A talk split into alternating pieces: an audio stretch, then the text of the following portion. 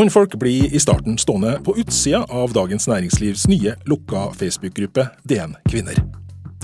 Grunnen til det er at avisa ønsker å gi medlemmene i gruppa en så god grobunn som mulig for et fruktbart ordskifte. Betyr det at det er menn som skaper trøbbel på internett, og at det er mindre ubehag når det kun er kvinnfolk som slipper til? Og trenger dama et beskytta sted for seg sjøl for å delta i samfunnsdebatten? Kvinner sier mye oftere enn menn at de ikke er tykkhudet nok.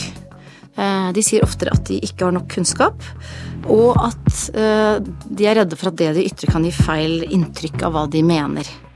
Kari Sten Johnsen fra Institutt for samfunnsforskning skal fortelle mer om hva forskninga kan fortelle oss om dette temaet. Kanskje er det sånn at noen myter står for fall. Og senere i programmet skal Kurers mediepanel diskutere hvorfor fokuset i mediene tidligere denne uka raskt flytta seg fra en tragisk flyulykke i Afrika til å handle om kansellerte flyavganger og spørsmål om vi får pengene tilbake på billetter vi ikke får brukt. Velkommen til Kurer. Jeg heter Lars Erik Ertsgaard Ringen.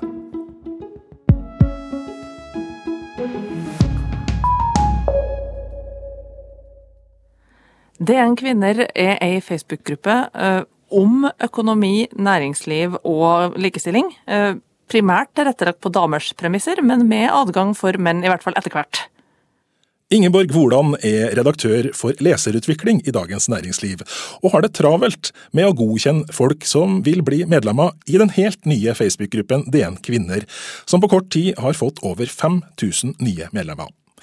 Men foreløpig må altså de mennene som er interessert i å delta i denne diskusjonen på den lukka Facebook-gruppa, pent vente på å få slippe inn.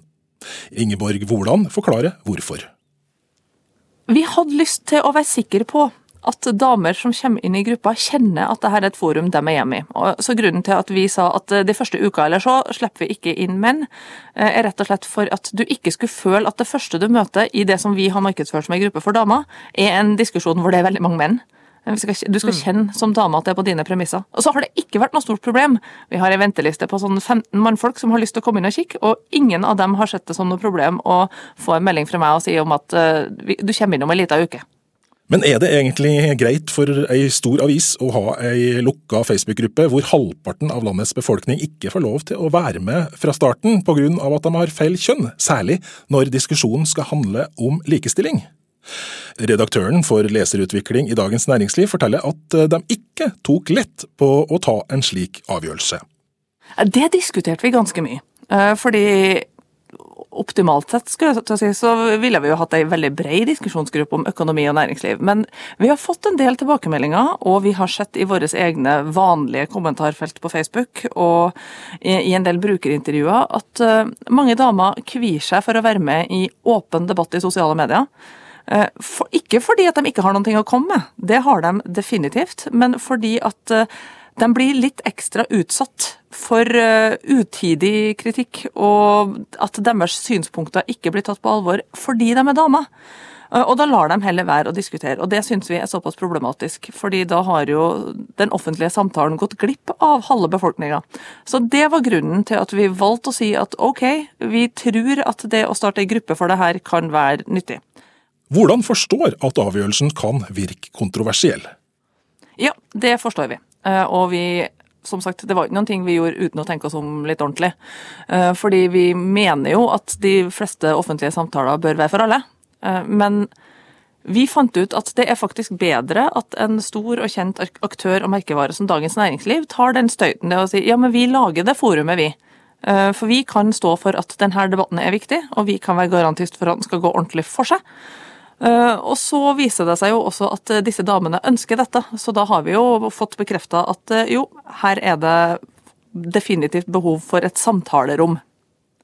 Journalist og kommentator Marie Simonsen i Dagbladet bruker mye tid i debatter i det offentlige rom. Hun kjenner på at det faktum at Dagens Næringsliv i starten velger å holde menn utenfor diskusjonsforumet, utløser en slags ryggmargsrefleks. I utgangspunktet er jeg jo ikke sånn vilt begeistret som journalist for lukkete, lukkete fora. Men, men, det kan av og til være nyttig. Så vil jeg si, generelt så vil jeg si at alt som gjør at eh, kvinner blir mer eh, opptatt av økonomi, er av det gode. Altså det er undersøkelser som viser at at uh, det er en sjokkerende ubalanse når det gjelder uh, hvem som ivaretar økonomien rundt omkring i familiene. Jeg tror ikke at det er sånn at kvinner har, mangler et økonomigen, at de ikke er interessert i det, men, uh, men det er nok slik at, at, det er mannen som tradisjonelt har tatt ansvaret for det. Det at man føler at man må skape beskyttende bobler for kvinner for at de skal kunne delta i den offentlige debatten, mener Marie Simonsen er trist. Ja, det, det, er jo, det er jo ikke en ønsket utvikling. Man vil jo gjerne at det skal være mest mulig både kvinner og, og, menn i slike grupper. Jeg tror at jo mer mangfold det er, jo bedre diskusjon, diskusjon blir det av det. Eh, men eh, det er jo vanskelig å regulere det. De har jo gjort det. Jeg husker, eh, jeg husker de lo jo veldig av at SV hadde sånn eget forseminar for kvinnelige delegater om hvordan de skulle oppføre seg på talerstolen og alt mulig sånn. Da fikk de mye kritikk. Men så kom jaggu metoo, og så sa, sa, de andre partiene at kanskje dette var en god idé. Fordi at, uh, at uh, kvinner gjerne blir behandlet på en litt annen måte og har en annen liksom, tilnærming til slike offentlige debatter enn menn har. Men er det virkelig sånn at menn gjør det vanskelig for kvinnfolk å diskutere i offentlige digitale rom, og er det nødvendig å skjerme kvinner fra menn? Forskningsleder Kari Sten Johnsen fra Institutt for samfunnsforskning forteller at de kanskje har noen svar å gi oss. Vi har i liten grad i Norge studert eh, hvordan ulike kjønn oppfører seg. De studiene vi har handler om hvordan folk opplever ordskiftet. Eh, og det betyr at vi, eh, vi, kan ikke egentlig si, ut fra det vi vet, at, at, kvinner eller menn er noe bedre eller verre enn andre.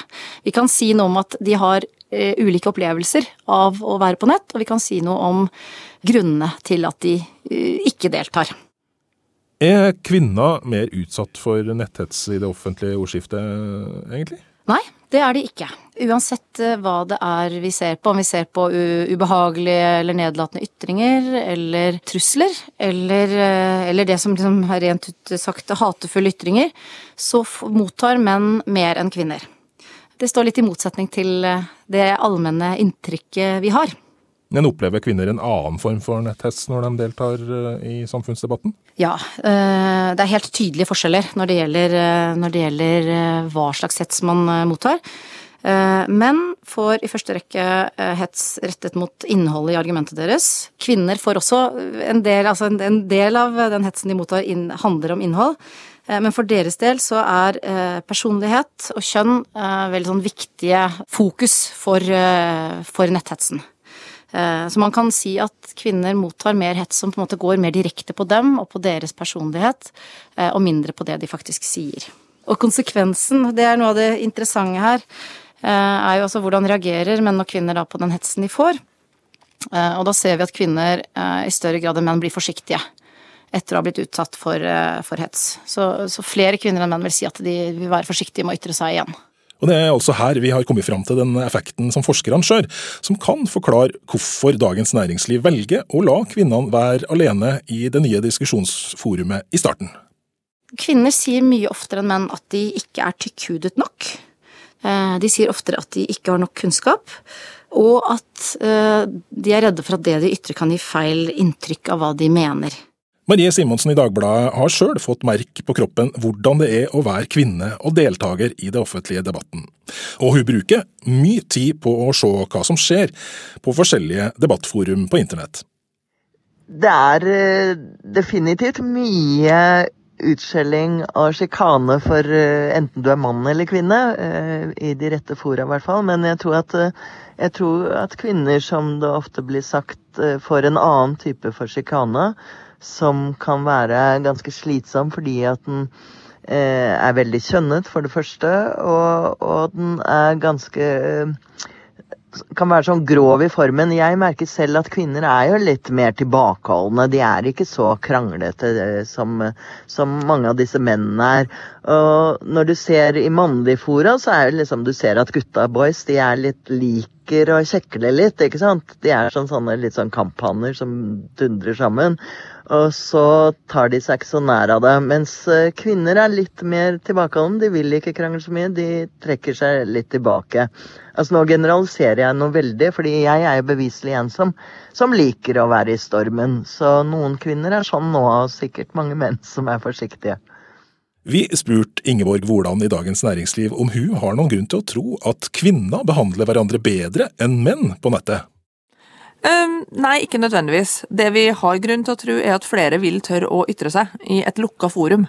Uh, og det var grunnen til at vi tok det opp. Og så er det en del spørsmålsstillinger som vi journalistisk sett syns er interessant rundt det her med kvinner og økonomi, som var grunnen til at vi ville lage denne gruppa. Men lukka diskusjonsfora i seg sjøl har en tendens til å være ganske disiplinerende. Men så er jo vi fryktelig opptatt av å være gode redaktører inni det. Uh, så vi mener jo at uh, god debatt kommer ikke av seg sjøl. Vi er nødt til å være til stede. Vi er nødt til å ta like mye ansvar for den diskusjonen som den diskusjonen som foregår på DNs debattside eller på DNs åpne Facebook-side. Redaktøren for leserutvikling i Dagens Næringsliv vil gjerne ha med at avisa slettes ikke er først ut med å lage et lukka diskusjonsforum på internett som bare er for kvinnfolk. Eh, det finnes mange ulike kvinnegrupper i Norge allerede. Eh, det finnes en kjempestor gruppe som kalles Den selskapelige, etter Den selskapelige diskusjonsforening, som var noe av opphavet til den norske kvinnebevegelsen. Eh, hvor det foregår masse diskusjon om feminisme. Så vi har fulgt med på mange grupper og sett hva skaper et godt diskusjonsklima. Og det har vært til stor inspirasjon for oss. Om noen få dager begynner Ingeborg Woland og de andre administratorene i Dagens Næringslivs nye kvinnegruppe å slippe inn de mennene eh, som ønsker å bli medlem i gruppa. Men hun tror likevel ikke at eh, det blir noe manneoverskudd der inne. Forskningsleder Kari Sten Johnsen fra Institutt for samfunnsforskning har altså sett på hvordan kvinner og menn opplever det å ytre seg på internett. Hva syns hun om avgjørelsen om å stenge ut menn fra denne eh, diskusjonsgruppa i starten? Jeg syns det er vanskelig å helt, eh, helt vite eh, hva man skal tenke om det. På en måte så snakker det litt til, til noen av disse grunnene kvinner har for å ikke ytre seg. Altså dette med å ikke være tykkhudet nok, for eksempel. Faren for å bli misforstått. Uh, og også kanskje til en sånn altså Hvis man ikke føler man har kunnskap nok at altså man, man, kan jo tenke at liksom det å ha et mer sånn avgrenset forum kan sosialisere en til å, til å uh, føle at det er greit å ytre meningene sine. På den annen side så, så er det noe med å lage segmenterte rom, da, og beskyttede fora, uh, som kanskje taler imot en sånn, en sånn bred, åpen debatt. Så er det liksom ikke gitt at det er kjønnssammensetningen som er den store utfordringen her. Eh, eller vi ser jo at det er stor variasjon mellom eh, debattklima når det gjelder ulike typer eh, debattemaer.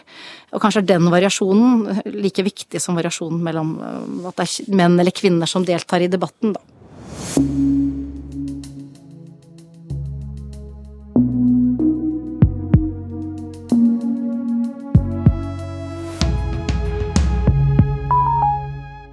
Du lytter til mediemagasinet Kurer på NRK P2, og nå skal vi ha et lite sceneskifte her hos oss. Min programlederkollega Kristin Norvoll Mork sitter nemlig klar med ukas mediepanel, som denne lørdagen er kommentator og kulturjournalist Terje Eidsvåg i Adresseavisa, redaktør Lars Østrått i Trønderbladet og Hilde Røisland, som denne uka har vært vaktsjef og ansvarlig for innholdet på nrk.no.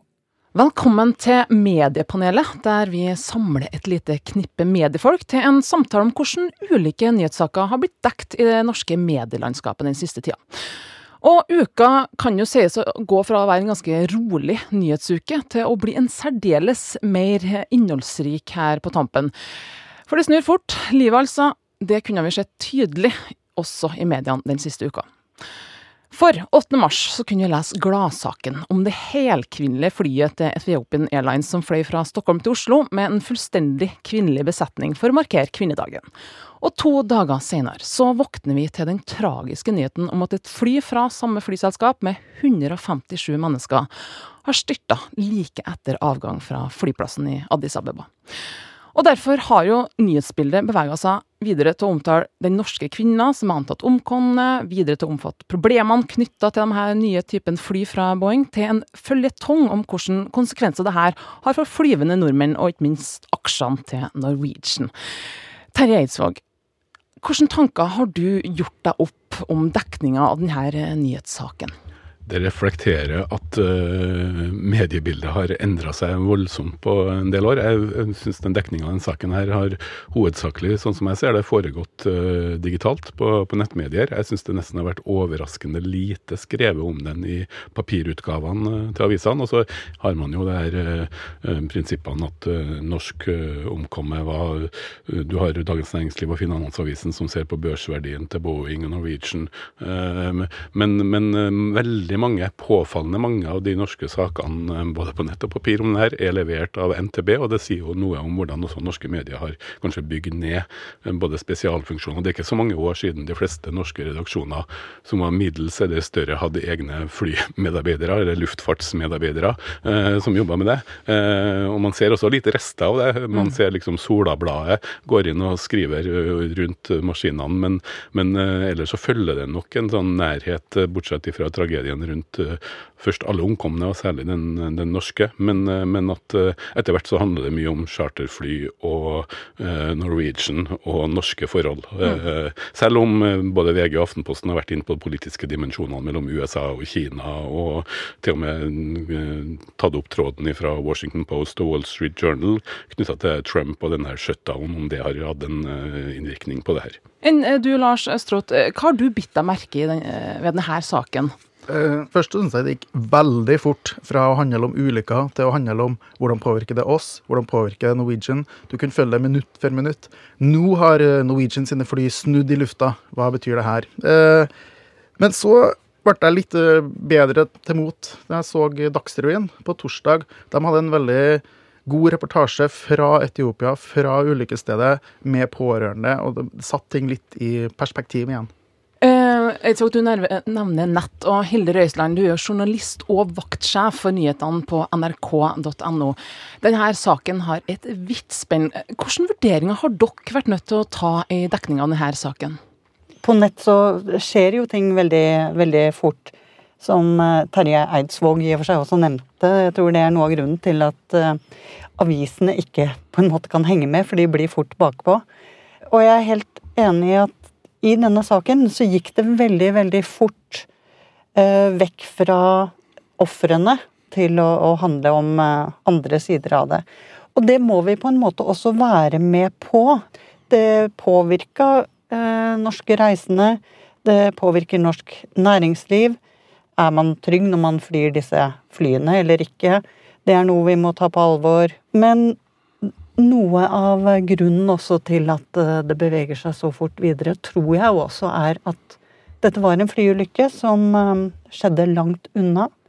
Det er eh, noe som gjør at det er vanskelig tilgjengelig, det som skjer der. Men det er også etter hvert ikke så interessant for norske lesere. Det skal mye til å engasjere norske lesere.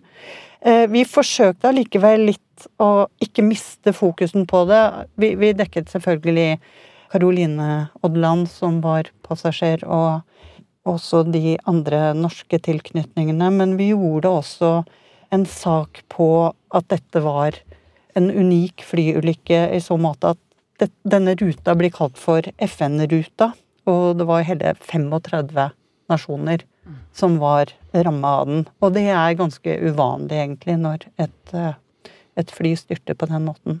Etiopia er jo et stykke unna, men uh, tror du at dekninga av denne flysaken hadde fått en annen eh, fokus og dimensjon hvis det f.eks. krasja i Danmark eller Tyskland?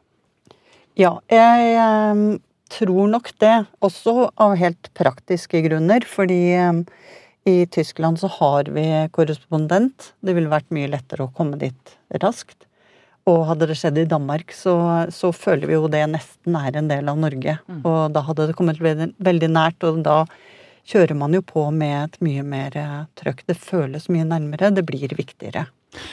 Og i går fikk vi en forferdelig beskjed om det som har skjedd i New Zealand. Eh, Tror dere eh, at den her vil få et annet fokus? Det er jo langt unna, Terje? Ja, et helt annet fokus. fordi at en, en flyulykke er for de fleste, hvis man ikke kan peke på en åpenbar uh, synder, uh, så er det skrekk og gru. Mens, uh, mens, terror, og for den saks skyld et navneskifte i NSB, mobiliserer meninger, polariserte og synspunkter. Det er veldig lett det er mye lettere å mene noe sterkt eller også å få en polarisert politisk debatt om terror.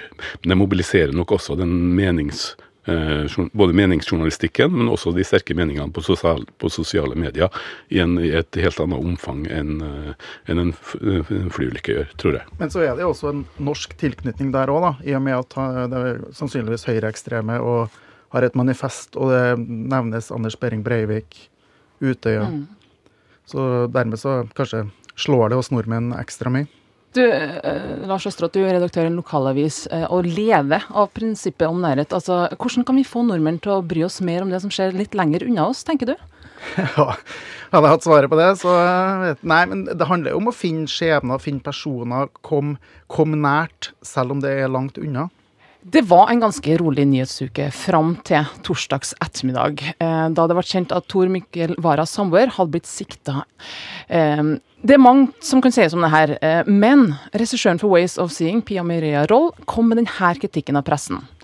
At pressen så ukritisk har akseptert samboeren og FrPs narrativ i måned etter måned uten å stille kritiske spørsmål, har vært utrolig vanskelig. Det har blitt trykket og publisert mye som rett og slett er løgn, sier Roll til VG. Eh, Eidsvåg, eh, hva tenker du om denne pressedekninga som har vært fram til det her ble kjent? Som meningsjournalist og kommentator så, eh, så, har jeg lenge følt et ubehag ved eh, dekninga, eller særlig meningsjournalistikken rundt uh, Ways of Seeing, og hvordan det er trukket inn i, i den saken her. Og der tror jeg en del bør, bør, se seg selv i speilet i etterkant, fordi at jeg syns det er nesten utrolig hvor mange som både har trukket klare forbindelser og ment sterkt uten å ha sett stykket. Uh, teaterstykke som går i Oslo, hvor um, eh, personlig så har jeg latt være å skrive om, om, Ways of Seeing, er, fordi at jeg ikke har fått sett stykket. Men når jeg ser kommentatorer og også enkelte på lederplass trekke klare forbindelseslinjer, samtidig som det fremgår at de ikke har sett stykket, så syns jeg det blir Så er det en form for, hva skal jeg si, journalistisk latskap, nesten. Særlig når det er, er tilgjengelig. Gode unntak her har vært Dagbladets teateranmelder Lillian Bikseth, som skrev en, en, en kommentar før jul som står seg mye bedre enn det f.eks. Harald Stanghelle skrev i Aftenposten i forrige uke. Eh, Røiseland, eh, pressen er jo et ganske stor betegnelse, men føler du at dere er truffet av denne kritikken som Roll kommer med? Jeg har ikke jobbet så mye direkte med dette, så jeg kan ikke kommentere det så mye. Men vår kulturkommentator Agnes Moxnes har også sett stykket. Uh, hvor mm. mye det har påvirket vår dekning, det kan jeg ikke uttale meg om. Men uh, jeg tror at det må rett og slett bli siste ord i denne omgangen av mediepanelet. Uh, men noen ting sier meg at det her neppe blir siste ord i denne saken. Den får nok en følgetang i uka som kommer. Med oss i studio i dag har vi hatt Hilde Røiseland, Terje Eidsvåg og Lars Østrått. Tekniker har vært Gudbjørn Bonnhus, og mitt navn er Kristin Norvoll Mork. Og jeg heter Lars Erik Ertsgaard Ringen, og vil på tampen si at vi i Kurerredaksjonen er glad for å få tilbakemeldinger fra dere som lytter på, eller tips om tema som vi kan se nærmere på i ukene som kommer. Om du har noe å si oss, så kan du nå oss på e-postadressen kurer Ha en fortsatt fin lørdag.